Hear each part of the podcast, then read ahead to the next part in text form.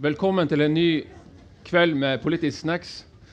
Eh, disse to, Erik Solheim og Ole Borten Moe, satt altså i samme regjering. En miljøvernminister som ville, eh, nei, en, unnskyld, en oljeminister som ville drille så langt nord som mulig, og en miljøvernminister som gremma seg over eh, fossilgløden til eh, Ola Borten Moe. Eh, Kristin Halvorsen sukka på Facebook det er like greit at miljøvelgerne ser hva vi har å slite med. Etter det rød-grønne samarbeidet kan det se ut som de er litt likere. Eh, begge jobber i det private næringsliv. Bortmo er oljegründer. Eh, Solheim er bl.a. plastrydder for Kjell Inge Røkkes oljeeventyr i Ghana. Eh, de er veldig glad i Kina, og Solheim har også en viktig jobb for Kinas silkeveiprosjekt. Så nå skal vi få høre hvordan det egentlig var å sitte i regjering sammen, og hvordan de tror at Senterpartiet og SV kan regjere sammen igjen når klimasaken blir enda viktigere. Så vi, vi begynner med fortida. Eh, Erik, du klagde eh, da dere begge var statsråder en gang på at Ola kom med soloutspill eh, åpent. Jeg har lurt på hvordan på en måte snakket dere om, om han på bakrommet? Var det, var, altså, hvordan, hvordan var den uh, tonen? Når du sitter i regjering sammen med folk, så er det noen du liker og noen du ikke liker. Einar Gerhardsen sa at man må kunne sitte i regjering sammen med folk man ikke vil dra på, på helgetur med. Eh, men Olav var av de som jeg var veldig uenig med, men som jeg likte og liker. Og ikke har noen personlige problemer å samarbeide med. Så selv om ja, var, selvfølgelig snakker du kritisk om folk du er uenig med på bakrommet, eh, men det, i dette tilfellet ble i hvert fall for min del aldri personlig. Uh, Ola, du skrev i 2009 en kronikk om SV-staten, uh, som du var ganske kritisk til. Hva var det vanskeligste for deg med å være i regjering med SV? Altså, ta, ta, det siste først. Det var veldig hyggelig å sitte i regjering med Erik uh, og de andre fra SV òg. og den kronikken ble jo skrevet våren 2009, og da hadde SV akkurat hatt landsmøte. Eh, og så hadde det gått eh, etter mitt skjønn litt over stokk og stein på det her landsmøtet, så man hadde vedtatt ting som ikke akkurat sto i Senterpartiets uh, program, og heller aldri kommer til å gjøre det. Og det fant jeg jo grunn til å påpeke i en kronikk i, i, VG. Og det som var de to sakene, det var jo at SV den gangen sa nei til all privat undervisning, også religiøst og pedagogisk alternativ. Og så sa man det at likestillingsloven skulle gjelde for alle som mottok offentlig støtte, inkludert trossamfunn. Uh, og det trekker jo staten ganske mye lenger uh, inn i den private sfæren. Og uh, så påpekte jeg jo det, og så ble det litt, litt rabalder. Og så tror jeg at SV syns sjøl at det gikk litt for langt, for de reverserte jo det samme vedtakene på et landsstyremøte etterpå. så har jo denne kronikken levd et slags liv etterpå, og kanskje fått mer oppmerksomhet enn den strengt tatt fortjener. Uh, men de to sakene som var snakk om, det mener jeg var helt grei, saklig uh, uenighet. Ikke noe problem.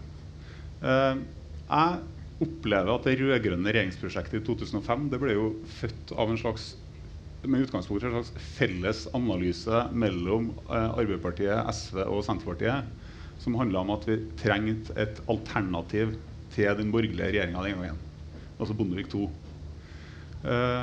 og det var mye glede vil jeg si, i 2005, når uh, vi igjen da, i Senterpartiet kunne innta regjeringskontorene sammen med uh, SV og Arbeiderpartiet etter å ha vært ute siden uh, 97, vel? 98, 99, 2000. og det var flertallsregjering. Og det var et uh, prosjekt som uh, vi sto sammen om. Og det, synes jeg, det, sånn, det prega jo arbeidet både i Stortinget og i regjeringa i mange mange år. og så er det ikke noe rart om det. Altså, for det første så er jo Senterpartiet og SV veldig forskjellige partier. Det er derfor det er forskjellige partier. Men man klarer likevel å samarbeide i regjering, og det er jo ikke noe rart at av og til så dukker det opp ulike prioriteringer, eh, litt gnisninger. Og ser man jo på dagens regjering og dagens politiske situasjon, så bærer det ikke akkurat preg av at den sittende regjering er 100% enig om absolutt alle ting som diskuteres i norsk offentlighet for tida. Og sånn vil det nok være også i Kan jeg bare få legge til en ting her? For det, situasjonen i 2005 var jo veldig forskjellig fra hva den var for de borgerlige da de kom i eller Høyre og co. kom i regjering i 2013, og hva den er for de rød-grønne nå. Det var gjort et langt arbeid mellom Jens Stoltenberg, Kristin Halvorsen og Åslaug Haga for å se på hva man skulle samarbeide om. Det var en enorm begeistring for en ny regjering med en klar plattform, et klart program og masse ting man skulle gjennomføre. Og så, klart, i løpet av åtte år i regjering så reduseres entusiasmen, det er ikke noe tvil om det. Eh, og det var ikke like klart hva man skulle gjennomføre.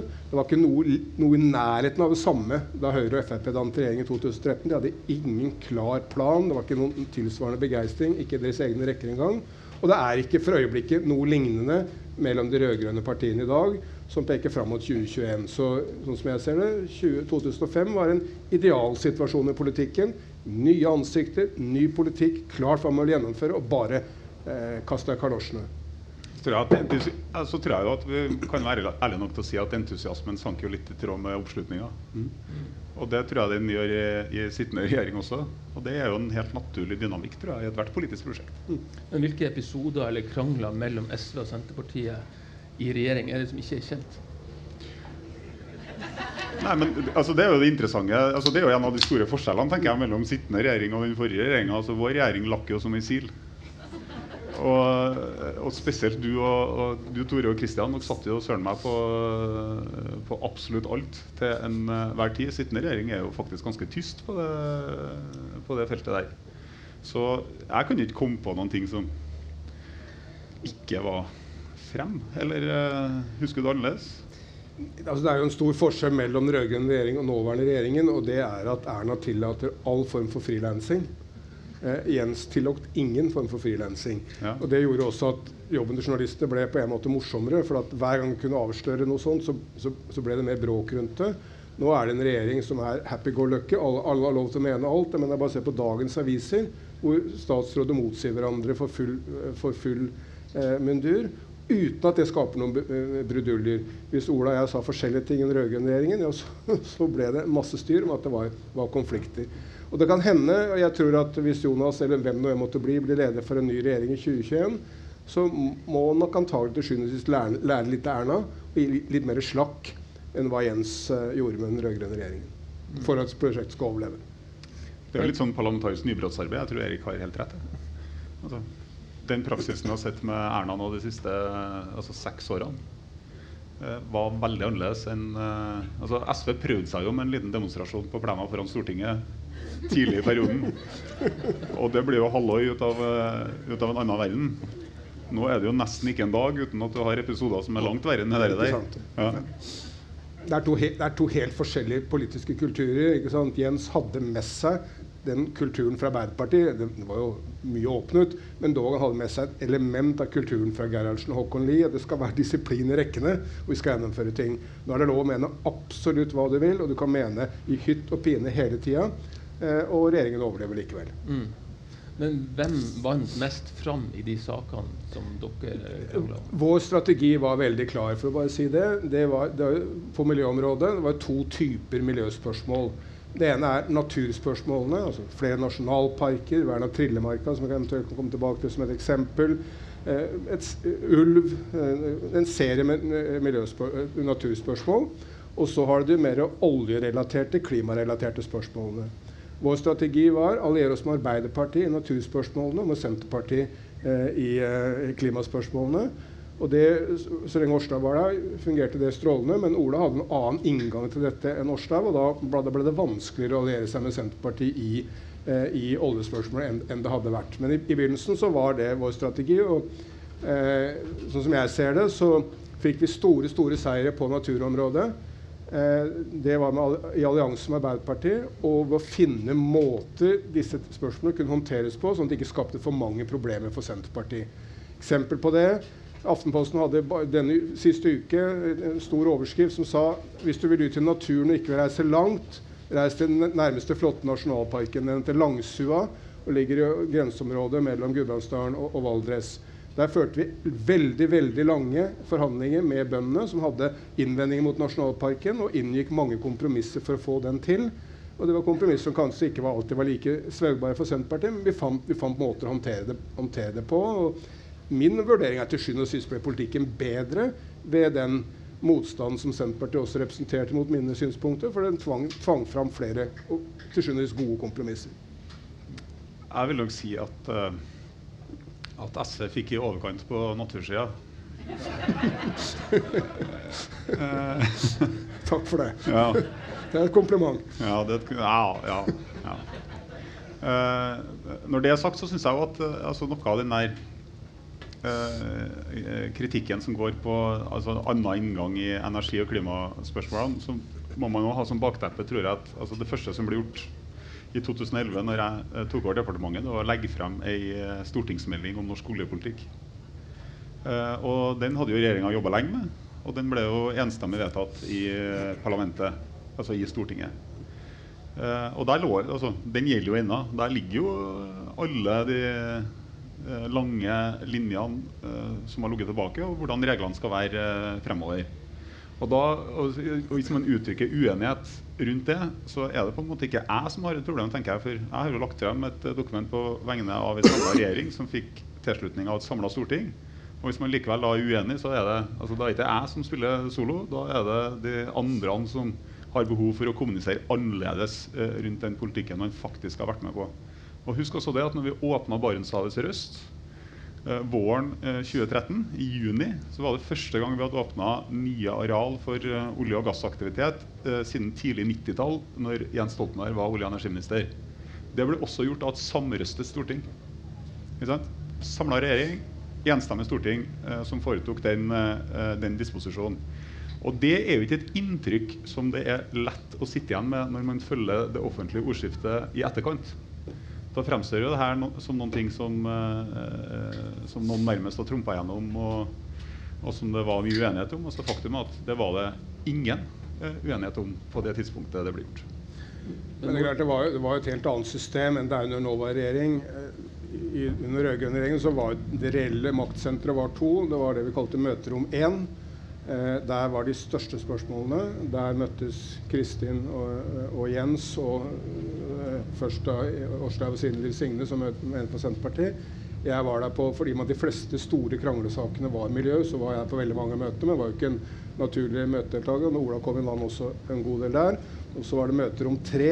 Der ble de mindre sakene håndtert. og Der var Karl Eirik Skjøtt Pedersen eh, og der var Heidi Sørensen fra Miljøverndepartementet. Og de satt i endeløse debatter. Men det er klart forskjellen var at når noe var, av, var enighet om på møterom én eller tre, så ble det bare gjennomført. Men selvfølgelig åpen for motforestillinger fra Stortinget og andre, men store og hele ble det gjennomført. Um, og ofte selvfølgelig også med støtte fra opposisjonen, Høyre og andre, men også hvis det ikke var det. Var ikke så veldig åpen for motforestillinger fra Stortinget? Nei, ok, jeg var kanskje litt uh... må, må, ikke overdrive den der nå, tror jeg. Men, jeg er enig i at det var propaganda. Jeg er enig. Men sant, også på klima akkurat det samme. Eh, ikke bare et bredt forlik i regjeringa, men også fremdeles tradisjon for brede forlik i, eh, i Stortinget. Eh, sånn er det. Og så er det én ting til som jeg har fundert litt etterpå. og det fundert litt på etterpå, for at Noe er de politiske uenighetene eh, som handler om at partiene har ulik inngang. Eh, men så har jo det norske systemet egentlig innbygd en del sånn, helt sånn institusjonelle uenigheter. Så jeg nekter jo å tro at eh, Miljøverndepartementet og Olje- og energidepartementet og Kommunaldepartementet eh, ikke har mange av de samme diskusjonene eh, og akkurat de samme prosessene som vi til enhver tid satt med. Staten er, er, er siloorganisert. Og det er egentlig bygd på at man kriger litt mot hverandre. Og så destilleres beslutningsprosessen opp, og så er regjeringa eh, egentlig en beslutningsmaskin på toppen som tar de eh, avveiningene. Så jeg tipper at det er ganske det er minst like aktiv Jeg, jeg, jeg, tipper at det er minst like mye møtevirksomhet og kalle da diskusjoner nå som det var den gangen. Men Hvordan vil dere beskrive forholdet mellom, generelt mellom Klima- og miljødepartementet og Olje- og energidepartementet? Ja, Det vil jeg kalle eh, konstruktiv og definert uenighet over tid. Ja. Og det som jeg sier, den tror jeg er der ennå. Jeg, jeg, kom jo inn i Miljøverndepartementet etter å ha jobbet en god del i Utenriksdepartementet og opplevde en veldig klar kulturforskjell. som jeg, jeg mener ikke noe negativt med det, men i Miljøverndepartementet var det et mindreverdighetskompleks. Eh, med det mener jeg at man var vant til å tape. Man førte mange slag med Samferdselsdepartementet, Olje- og energidepartementet, Finansdepartementet, og man var vant til å tape. Og man forventet å tape. Eh, og man var ganske happy med å sitte bare baktale og snakke om hvor håpløse disse dustene de andre departementene var. Så jeg anså det for en veldig viktig ting fra start å få vekk denne mindreverdighetskomplekset og vise at her er et departement som har ledere som venter seire, som er villige til å, å kjøre på. Som da selvfølgelig diskuterer med Ola eller Jens eller hvem det måtte være for, for å vinne seier og få en annen kultur innen departementet. Det helt annerledes enn Utenriksdepartementet, hvor det er jo en stikk motsatt. Utenriksdepartementet er tanken at ingen andre departementer i hele Norge og ikke engang hele verden har så mye innsikt i utenrikspolitikken som vi i UD har. Og vi, vi, tenker ikke at noen andre departementer skal blande seg inn i noen av våre ting engang. Og vi er full av selvtillit. Så det var to, Jeg kom fra en selvtillitsstyrt kultur, kultur, til mindreverdighetskultur og så det som helt avgjørende å endre den kulturen. Og Da må du selvfølgelig ta fighter med f.eks. Olje- og energidepartementet, og, og du må vinne noen av dem. Dere nevnte hvordan det er en forskjell på hvordan dere hadde hvordan det er i regnet i dag. Og så er det en konkret episode jeg har lurt litt på, som er etter at Ola hadde gått ut mot Naturvernforbundet og Bellona eh, i forbindelse med en valgkamp, så gikk du, Erik, Kristin Halvorsen og Snorre Valen ut og kalte han søt, fersk og tøvete. Det, det høres ut som en metoo-sak. hvordan var stemningen da, da dere gikk ut sånn? Nei, Hvis vi skal være litt, ikke bare, bare være idyll her, så opplevde jo vi at, at, vi opplevde at det var et vesentlig skifte i Senterpartiet. Eh, fra Åslaug og Terje Riis-Johansen til, til, Ola. Og, og det, er, det, er, jo helt legitimt at det er ulike syn i forskjellige partier. Det er Arbeiderpartiet og alle andre partier også. Eh, men vi oppfatter det som et vesentlig skifte. Og eh, Liv Signe var en panel sammen med henne i går hvor hun sa at Norge må sette en sluttdato for oljen. Jeg er ikke sikker på om Ola er enig i det. Hvis han er det, så er det enighet i Senterpartiet. Hvis han ikke er det, så er det fortsatt ulike syn i Senterpartiet på viktige spørsmål. Nei, Vi har jo som alle andre et partiprogram. Og jeg henviser til det.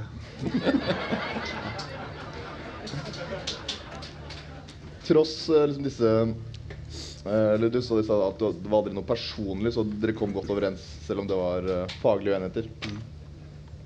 Ja.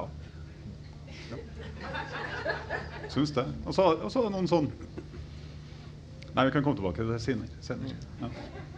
Men dere har begge skifta beite. Eh, den ene mer enn den andre. kan si. Eh, du Erik har en lang rekke oppdrag verden over. Eh, og du er vel for å si det forsiktig ikke en del av SVs innerste krets lenger. og kanskje er du ikke en SV-velger overhodet. Så vi må bare få oppklart det. er du medlem av partiet? Jeg har eh, ikke betalt kontingenten de siste år. Og hva skal du stemme i høst? Det er hemmelig valg i Norge, er det ikke det? Så det, det, Hvis jeg føler behov for å si noe om det, skal jeg si noe om det. I, det, er, eh, det, er, ingen som tror jeg kommer til å stemme på Siv, så det kan ta det helt med ro. I, I, går kveld så satt uh, Kristin Clemet og Bjørn Håkon Hansen her. Uh, og de var enige om at hvis MDG, Rødt og SV fortsetter å styrke seg på bekostning av Ap frem mot 2021, så var de ikke så sikre på at Sp eh, da nødvendigvis ville gå til valg på ny rød-grønn regjering. Eh, og Ola, du er jo nestleder. Hva, hva, tror du om det? Nei, Jeg tror det er helt åpenbart at Senterpartiet, eh, som egentlig det, er det tydeligste opposisjonspartiet nå, eh, kommer til å sette alt inn på at eh, landet skal få en ny regjering eh, i 2021. og hvordan den skal se ut, det er jo et annet spørsmål. Det vi har uh, sagt veldig tydelig, det var jo på landsmøtet vårt sist, altså i 2017, i forkant av forrige stortingsvalg. Nå skal vi ha nytt landsmøte i 2021, ikke sant? og det er det møtet som skal bestemme det der. Uh, men den gangen så sa vi jo veldig tydelig at vi ønska en regjering med utgangspunkt i Senterpartiet og Arbeiderpartiet. Så det var vårt utgangspunkt i 2017. Det ekskluderer selvsagt ikke SV, men utgangspunktet var Senterpartiet og Arbeiderpartiet. Nå ringer klokkene, jeg vet ikke helt hva, hva det betyr. Eh, så har vi òg vært veldig tydelige på at vi ikke ønsker å sitte i regjering med Rødt og Miljøpartiet. Av ulike årsaker. Eh, for Rødt sin del så er det jo De har jo et sånn uavklart uh, forhold til det konstitusjonelle demokratiet. og Det at du i 2019 insisterer i partiprogrammet ditt på at du er et kommunistisk parti, det er i våre kretser ikke spesielt tillitsvekkende. Uh, når det gjelder Miljøpartiet De Grønne, så er det en helt annen planet hva gjelder syn på forvaltning, natur, uh, utvikling. Altså rett og slett politiske forskjeller som jeg tror er uoverkommelig i et formelt regjeringssamarbeid. Men hvilke regjeringsalternativer kan du se for deg med Senterpartiet i 2021? Hvis jeg skulle ha tippa, så tror jeg at vi kommer til å gå for en lignende variant som vi gjorde forrige gang. Altså et, uh, En regjering med utgangspunkt i Senterpartiet og Arbeiderpartiet. Så blir det jo litt av den muliges kunst etterpå når stemmene er talt opp og mandatene er fordelt. Og så får vi se hvor vi er da. Men som sagt, altså, det her blir jo en prosess i mitt eget parti uh, de neste 18 månedene. Du Ola, skrev i kronikken 'Nei til SV-staten' at flere hjørnesteiner i den da nylig vedtatte SV-politikken er, både dødfødt i praksis og prinsipielt betenkelig. Hvilke deler av SVs nåværende politikk er, mener du kan være dødfødt og betenkelig? Jeg, nå tror ikke jeg vil gå så langt som Jeg har i hvert fall ikke registrert ting i SVs partiprogram som er moralsk forkastelig. Men eh, eh det står jo helt sikkert ting der som er formulert på en annen måte enn jeg sjøl ville ha sagt det. Vi må over på, på klima. Kan, kan, jeg bare få kommentere dette også? Den, den, ideen som jeg hørte hadde vært her i går, at Senterpartiet i 2021 skal gå til valg på å kanskje samarbeide med Erna, det, er, det er tankespinn av høyeste orden. Eh, I 2021 kommer nåværende regjering til å virke dødssliten. Den er sliten allerede, og det er enda to år igjen til valget. Vi vet ikke om Frp er med i det alternativet i 2021. Og Senterpartiet ønsker å profilere seg som en kraftig opposisjonsparti til den, eh, til den, eh, til den regjeringen. Og så skulle man gå inn i valgkampen og si oi, men kanskje vi vil likevel samarbeide og la Erna fortsette som statsminister. Det er jo helt usannsynlig. Det er tankespinn av en høy orden. Derimot hvis vi ser lenger fram, så klart det kan komme nye konstellasjoner. Jeg tror det er veldig veldig dumt og aldri kommer til å stå seg å utelukke Miljøpartiet De Grønne eh, som en regjeringspartner. Nå er De Grønne største parti i Tyskland. Eh, det mest sannsynlige neste regjering i Tyskland er De Grønne og Kristendemokratene i allianse. De Grønne var største parti i Helsinki, i Dublin, altså byer som ligner på prikken på Oslo eh, ved EU-valget. De, de har en, det er en grønn president i Østerrike, så det er en grønn bølge over Europa som Miljøpartiet De Grønne står best til å fange opp i Norge. Jeg sier ikke at det er det eneste miljøpartiet, men ingen partier er bedre plassert nå til å fange opp den samme grønne bølgen i Norge.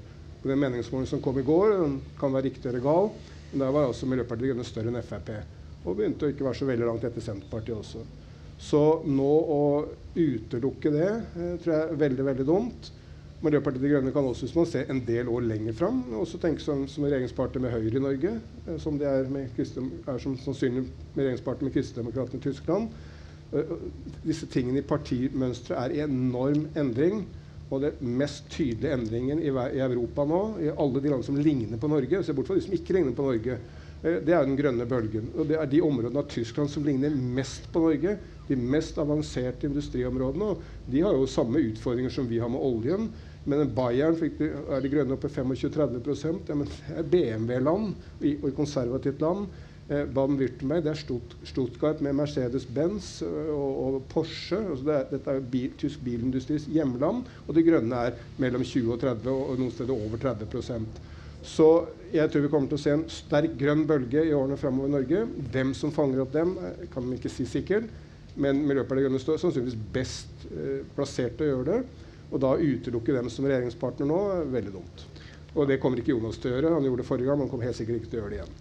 Jeg ville nok altså, Utenkelig at du har rett i analysen din, men jeg ville jo øh, kanskje sagt at det som først og fremst kjennetegner europeisk politikk nå og utviklinga der, det er at de store, tradisjonelle styringspartiene, altså både sosialdemokratene og øh, kristendemokratene, konservative, på hver sin side øh, taper ganske stor oppslutning. Og så gir det seg ulike utslag i ulike land, hvem det er som fanger opp de ulike strømningene, og hvem det er som vokser. Eh, men det som eh, nok i alle høve er, er, helt korrekt, er at eh, både det europeiske og det norske partipolitiske landskapet er i sterk endring. Og det ser vi jo på egne målinger òg. Det er jo egentlig uvanlig store utslag på målingene knytta til hvem det er som vokser og hvem det er som, hvem det er som taper oppslutning. Og det kan jo komme til å manifestere seg i Norge allerede 9.9. Det er jo, dette er jo det, altså man skal aldri, Politikken byr alltid på overraskelser. Det kan komme store, men det suverent mest sannsynlige er at det vi nå ser i Europa og Amerika i en annen forstand, bare kommer til å forsterke seg. Og hvorfor er det? Jo, Senterpartiet har dundrende suksess med å gjøre nær alle spørsmål til et by-land-spørsmål. Det kan bringe Senterpartiet til 15% kan muligens bringe Senterpartiet opp mot 20% men det kan jo aldri bringe Senterpartiet til 50% med et resolutt fokus på en by-land-motsetning. Miljøpartiet De Grønne eller lignende partier kan kanskje også få 20 og kanskje til og med 30% på et resolutt miljøfokus, hvor det er det dominerende spørsmål. Men det er veldig lite sannsynlig at det kan bli som Arbeiderpartiet var i sine glansdager, noe som favner halvparten av folket eller mer. Frp kan ha stor suksess hvis de får innvandring høyt på dagsordenen, men igjen, det kan bringe også 15% men det kan ikke bringe 50 Det har ikke brakt 50% i Nordland iallfall til nå. Så vi vil se partier som er veldig sterke på deler av politikken, men de vil ikke klare å fange flertallet av befolkningen. Og så er de nødt til å sitte i regjering sammen og finne kompromisser. Apropos klima, så har man jo en situasjon nå hvor det er noen partier som mener det er uh, krise, man må stenge oljekranene. Uh, andre vil ikke anerkjenne, eller i hvert fall ha medlemmer som ikke vil anerkjenne menneskeskapte klimaendringer. Uh, hvordan tror du klimaspørsmålet vil endre norsk politikk framover, Ola? Det har jo allerede endra måten vi snakker både om spørsmålet og hvordan vi snakker litt til hverandre i viktige spørsmål, opplever jeg. For det er mer Eh, altså det oppleves nok uh, annerledes nå. Det, altså det, har blitt mer uforsonlig å kalle det polarisering også langs den aksen i, uh, i, norsk politikk. Og det er jo ingenting som tyder på at uh, det ikke kommer til å kanskje bli ytterligere forsterka fremover. og der er det jo heller ingen Det er på en måte ikke noe sånn åpenbart landingspunkt i midten Uh, retorisk, i hvert fall, fordi at sånn, utgangspunktet og virkelighetsforståelsen er annerledes. Og da, når jeg mener virkelighetsforståelse, så bygger ikke jeg på at den ene sida anerkjenner menneskeskapte klimaendringer, og den andre sida mener at den ikke eksisterer. Men uh, analysen knytta til hvordan vi skal håndtere det, uh, og hvordan vi skal klare å håndtere det samtidig som vi tar vare på verdiskaping, velferdsstat og, ut, og utvikling av også andre samfunnsområder, Eh, er jo veldig, altså Den analysen er jo veldig annerledes uh, i de ulike partiene, og kanskje mer ulik nå uh, enn den var bare for fire, seks, åtte, uh, ti år siden. Og det kommer nok helt sikkert til å slå inn i, i neste stortingsvalg med, med full tyngde. Politiske kynikere har jo lenge ment at miljø- og klimaspørsmål ikke hadde den kraften til å bli sentrale i valg. Nå har vi sett i en serie valg i Europa at de har det. Vi kommer til å se det i Norge også. Eh, og jeg mener det er suverent mest sannsynlig at dette blir det dominerende politiske spørsmål i årene framover. Og at miljøbevegelsen og de partiene som klarer å være tett knyttet til dem, kommer til å få mye av den samme ledende rollen som Arbeiderpartiet hadde i sin tid. som det ledende partiet i den fantastiske revolusjonen som det var i Norge. Å bringe klassespørsmål, velferdsstaten, folketrygden på dagsordenen. De store spørsmålene vi ser de neste tiårene, er miljøspørsmålene, og, og vi vil se en tilsvarende bølge der. Det som er den gode nyheten, og stikk i strid med hva folk tror, det er at nå er det på nesten alle områder trippel vinn-politikk som er mulig. Politikk som er bra for miljø, bra for arbeidsplasser og økonomi, og bra for folks helse og velferd samtidig. Så det er ikke noe du må velge mellom økonomi og arbeidsplass på den siden og miljø. Jeg kan, jeg kan sitte hele kvelden og fortelle deg områder hvor, hvor, du kan gjøre begge deler. Det er der de nye arbeidsplassene kommer. Hvorfor satser ikke Norge, for å ta det ene eksempelet, på havvind? Eh, den minst kontroversielle av alle eh, energiformer. Det er nesten umulig å finne motforestillinger mot havvind. Det er fantastiske muligheter for arbeidsplasser i Norge. Og fantastisk for miljøet. Kan skape enorme energimengder. Samtidig som vi har en industri som er like framtidsrettet som vi så på oljeindustrien i mange mange år. Jeg har to små innvendinger til havvind. Mm. Eh, ikke som konsept, selvsagt. Eh, men det ene er at vi, vi trenger jo egentlig ikke elektrisiteten. I hvert fall ikke nå. Eh, og det andre er jo at det koster tigangen å bygge ut eh, havvind som det koster å bygge ut eh, vindmøller på land. Så hvorfor skal vi iverksette en dunge tiltak som er ekstremt lite kostnadseffektiv for å produsere en vare som vi som land per nå ikke trenger?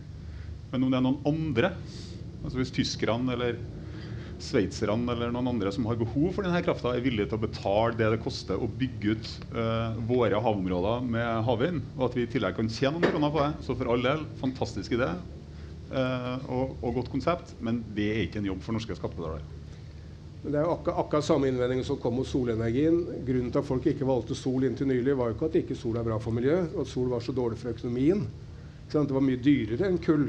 Nå kan sol konkurrere med kull alle steder i verden. Ikke på å være bra for miljøet, det visste alle at det var. Ikke på å være bra for helsa, det visste alle at det var. Men det kan konkurrere på pris.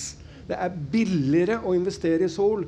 Irena, som er det internasjonale Ja, og da skjer det jo. De, ja, vent, de sier nå at ganske snart vil vi være der at sol, nye solanlegg er billigere enn gammel kull. Altså lønnsomt å legge ned gamle kullkraftverk og isteden investere i ny sol. Det er jo en total revolusjon. Og du må jo drive ned prisen, og prisen drives ned av hovedsakelig én faktor teknologisk endring og skala. Når ting skjer i skala, blir det billig. Det er kineserne og inderne som har brakt solenergi i skala til verden. Det samme var, innvendingen var jo mot, eh, mot, vindkraft i land. Det var dyrt. Solenergi var dyrt. Selvfølgelig er havvind nå dyrere. Men vi, ved å bringe det til skala så gjør vi det veldig mye billigere. Men og da blir det alternativ, økonomisk alternativ. Vi skal ikke ha en havvinddebatt. Nei, unnskyld. Så da, Det neste oppfølgingsspørsmålet er jo da naturlig hvordan skal SV og Senterpartiet bli enige i regjering om disse spørsmålene? Nei, vi, En del problemer må man jo ta etter hvert som de dukker opp. Uh, men det jeg, altså det jeg, tror kommer til å være felles for uh, SV og Senterpartiet ved neste stortingsvalg, det er jo for det første felles interesser knytta til å erstatte sittende regjering med, uh, med noe nytt. og kanskje per dato litt udefinert hva det skal være. og Der er jeg enig med Erik Solheim. Altså det er en annerledes historie og en annerledes oppkjøring frem til stortingsvalget 2021 enn det var i 2005. og jeg tror, det, jeg tror 2021 kommer til å være mindre på en måte definert som et uh, felles rød-grønt uh, prosjekt enn du hadde i oppkjøringa fram mot uh, eh, 2005. Så Det tror jeg er helt korrekt. Og så tror jeg jo at man skal ikke undervurdere altså Det er jo ikke bare klima og miljø og natur som kommer til å prege den politiske dagsordenen. Altså På mange områder så er jo også Senterpartiet og SV ganske enige. Hvis man kikker på en del ting uh, knytta til arbeidsliv, Eh, knytta til fordeling. Eh, knytta til hvordan vi skal organisere eh, samfunnet vårt og ha gode offentlige tjenester over hele landet, så vil du finne mange, fellestrekk. Og det er jo ikke sånn at vi trenger å fokusere på bare på de tingene der man ikke finner felles nevnere heller. Altså, av og til så vil man kanskje oppleve hvis man setter seg ned, at man finner flere ting som samler enn som faktisk splitter. Og så blir jo politikk da det muliges kunst. Men får du et nytt flertall, så er det da vår plikt å gi landet en ny og en annerledes regjering. tenker jeg. Det er ikke mulig å se annerledes på det. Det ene er at oppkjøringen til valget i 2021 sånn som det nå ser, kommer til å være annerledes. Som kommer til å være Arbeiderpartiet, Senterpartiet, SV, Miljøpartiet De Grønne, Rødt, eh, som på ulike måter kommer til å ta til orde for et nytt alternativ. Og så vil det selvfølgelig styrkeforholdet mellom disse partiene og så avgjøre i stor grad hva som blir, hva, hva, hva som blir utfallet. Og så kan vi på lengre sikt komme til å se andre, andre konstellasjoner. Men eh, hvis du spør om hva, hva, en ny regjering bør lære, så mener jeg akkurat som på samme måte som Erna lærte en hel masse av oss, så bør eh, et rød-grønt alternativ lære av Erna. Det Erna lærte oss, var å gi mye mer slakk. og hun klarte å ha Men jeg, jeg syns ikke regjeringen har utrettet mye. Eh, det, er ikke, det, er ikke, lett å se noen store ting denne regjeringen har virkelig gjort, sånn som jeg mener den rød-grønne regjeringen gjorde. Men de har, de har, på ganske fantastisk vis, iallfall inntil helt nylig, unngått noen store skandaler. De har klart å skape et klima mellom partiene i regjeringen som inntil nylig snakket relativt pent om hverandre. Hva, be, hva bør vi eh, rød-grønne lære av eh, denne regjeringen? Framfor alt å begynne å fokusere på det man er enige om, istedenfor det man er uenige om. Eh, når jeg ser en miljødebatt nå, så er det alltid resolutt fokus på bitte små spørsmål, og stort sett spørsmål som det er masse uenighet om. Og det er spørsmål som har null, eller iallfall marginal betydning for jordas miljø. Hvis en rød-grønn regjering begynte å se på de spørsmålene som har stor betydning for jordas miljø, hvor Norge kan spille en eh, stor rolle, og hvor man ikke støter i nesten noen grad hovedvelgeren til noen partiene Havvind er et godt eksempel. Man kan være mer eller mindre enige om det, men det er jo ikke en av Senterpartiets velgere som blir støtt av det. Som sier å, vi kan ikke stemme på dette fordi de går inn for massiv satsing på havvind. Eh, eh, oljefondet er et annet eksempel. Nå, nå, trengs det en virkelig massiv bruk av oljefondet til grønne investeringer i verden. De er, til, de er, mer lønnsomme. Det er ikke at de er mindre lønnsomme, de er mer lønnsomme. Igjen, det er noe som velgerne vil slutte massivt opp om hvis man gjør det. Ut, uh, utfasing av uh, bilparken på en fornuftig måte. Har ikke, hvor, nå har kineserne 99% av alle elektriske busser i verden. 99 Hvorfor i all verden får vi ikke elektriske busser overalt i Norge? Det er kostnadssparende, de er billigere. Jeg så akkurat i dag Chattanooga flyplass i USA. Chattanooga er absolutt midt i Trumpland i delstaten Tennessee. Flyplassen er nå 100% soldrevet i Trumpland. Hvorfor det? Jo, fordi solenergien er billigere enn alternativene i Trumpland. Ikke fordi de er så, plutselig blitt så utrolig miljøvennlige.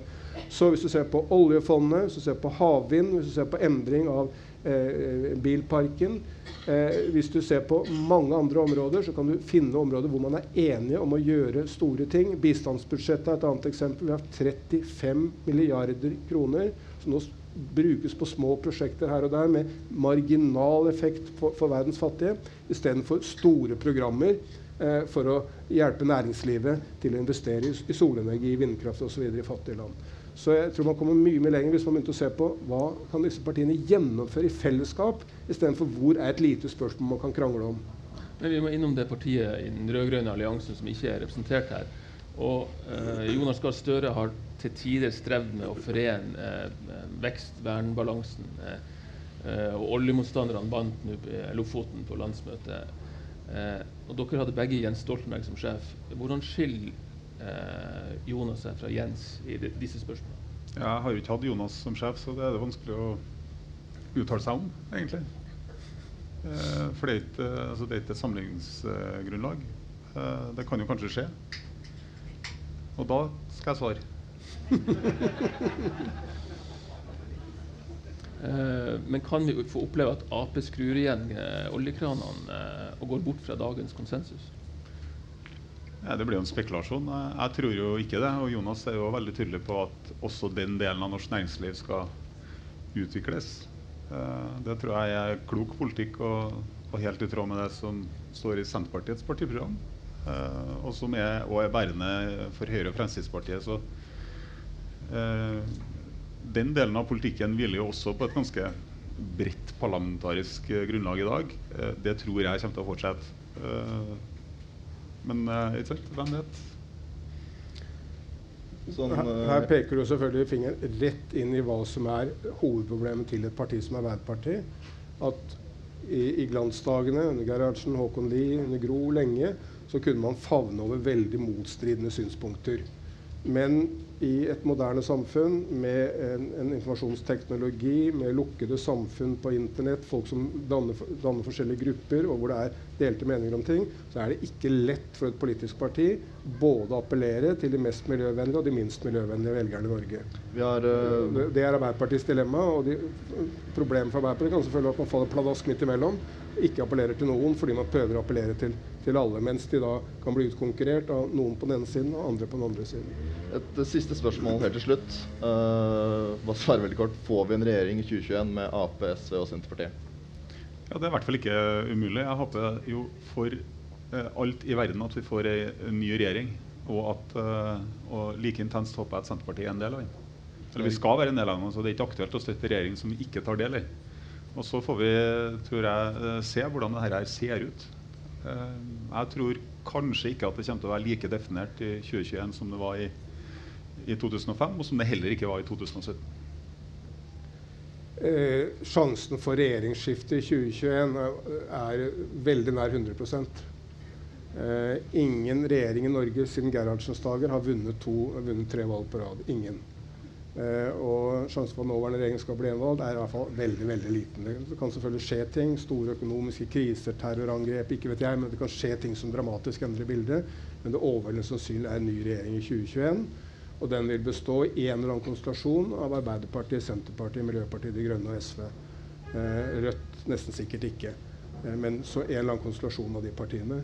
Og det vil avhenge av styrkeforhold og vinner som vi Men det, det, det det, husk på hvor fort dette går. Men i 2017 sa alle de politiske kommentatorene at klima er en ikke-sak i valgkampen. Nå er de alle samme eh, på det stikk motsatte, at dette er hovedsaken i valgkampen. Så det svinger veldig fort. Kan svinge tilbake igjen, men mye mer sannsynlig er at den grønne bølgen fortsetter å bli forsterket. Tusen takk for at dere kom. Eh, vi har ikke mer Politisk snacks før til neste år. Men i morgen har Kjetil Alstadheim eh, frokost her, så kan dere komme da. Tusen takk. do do do do do.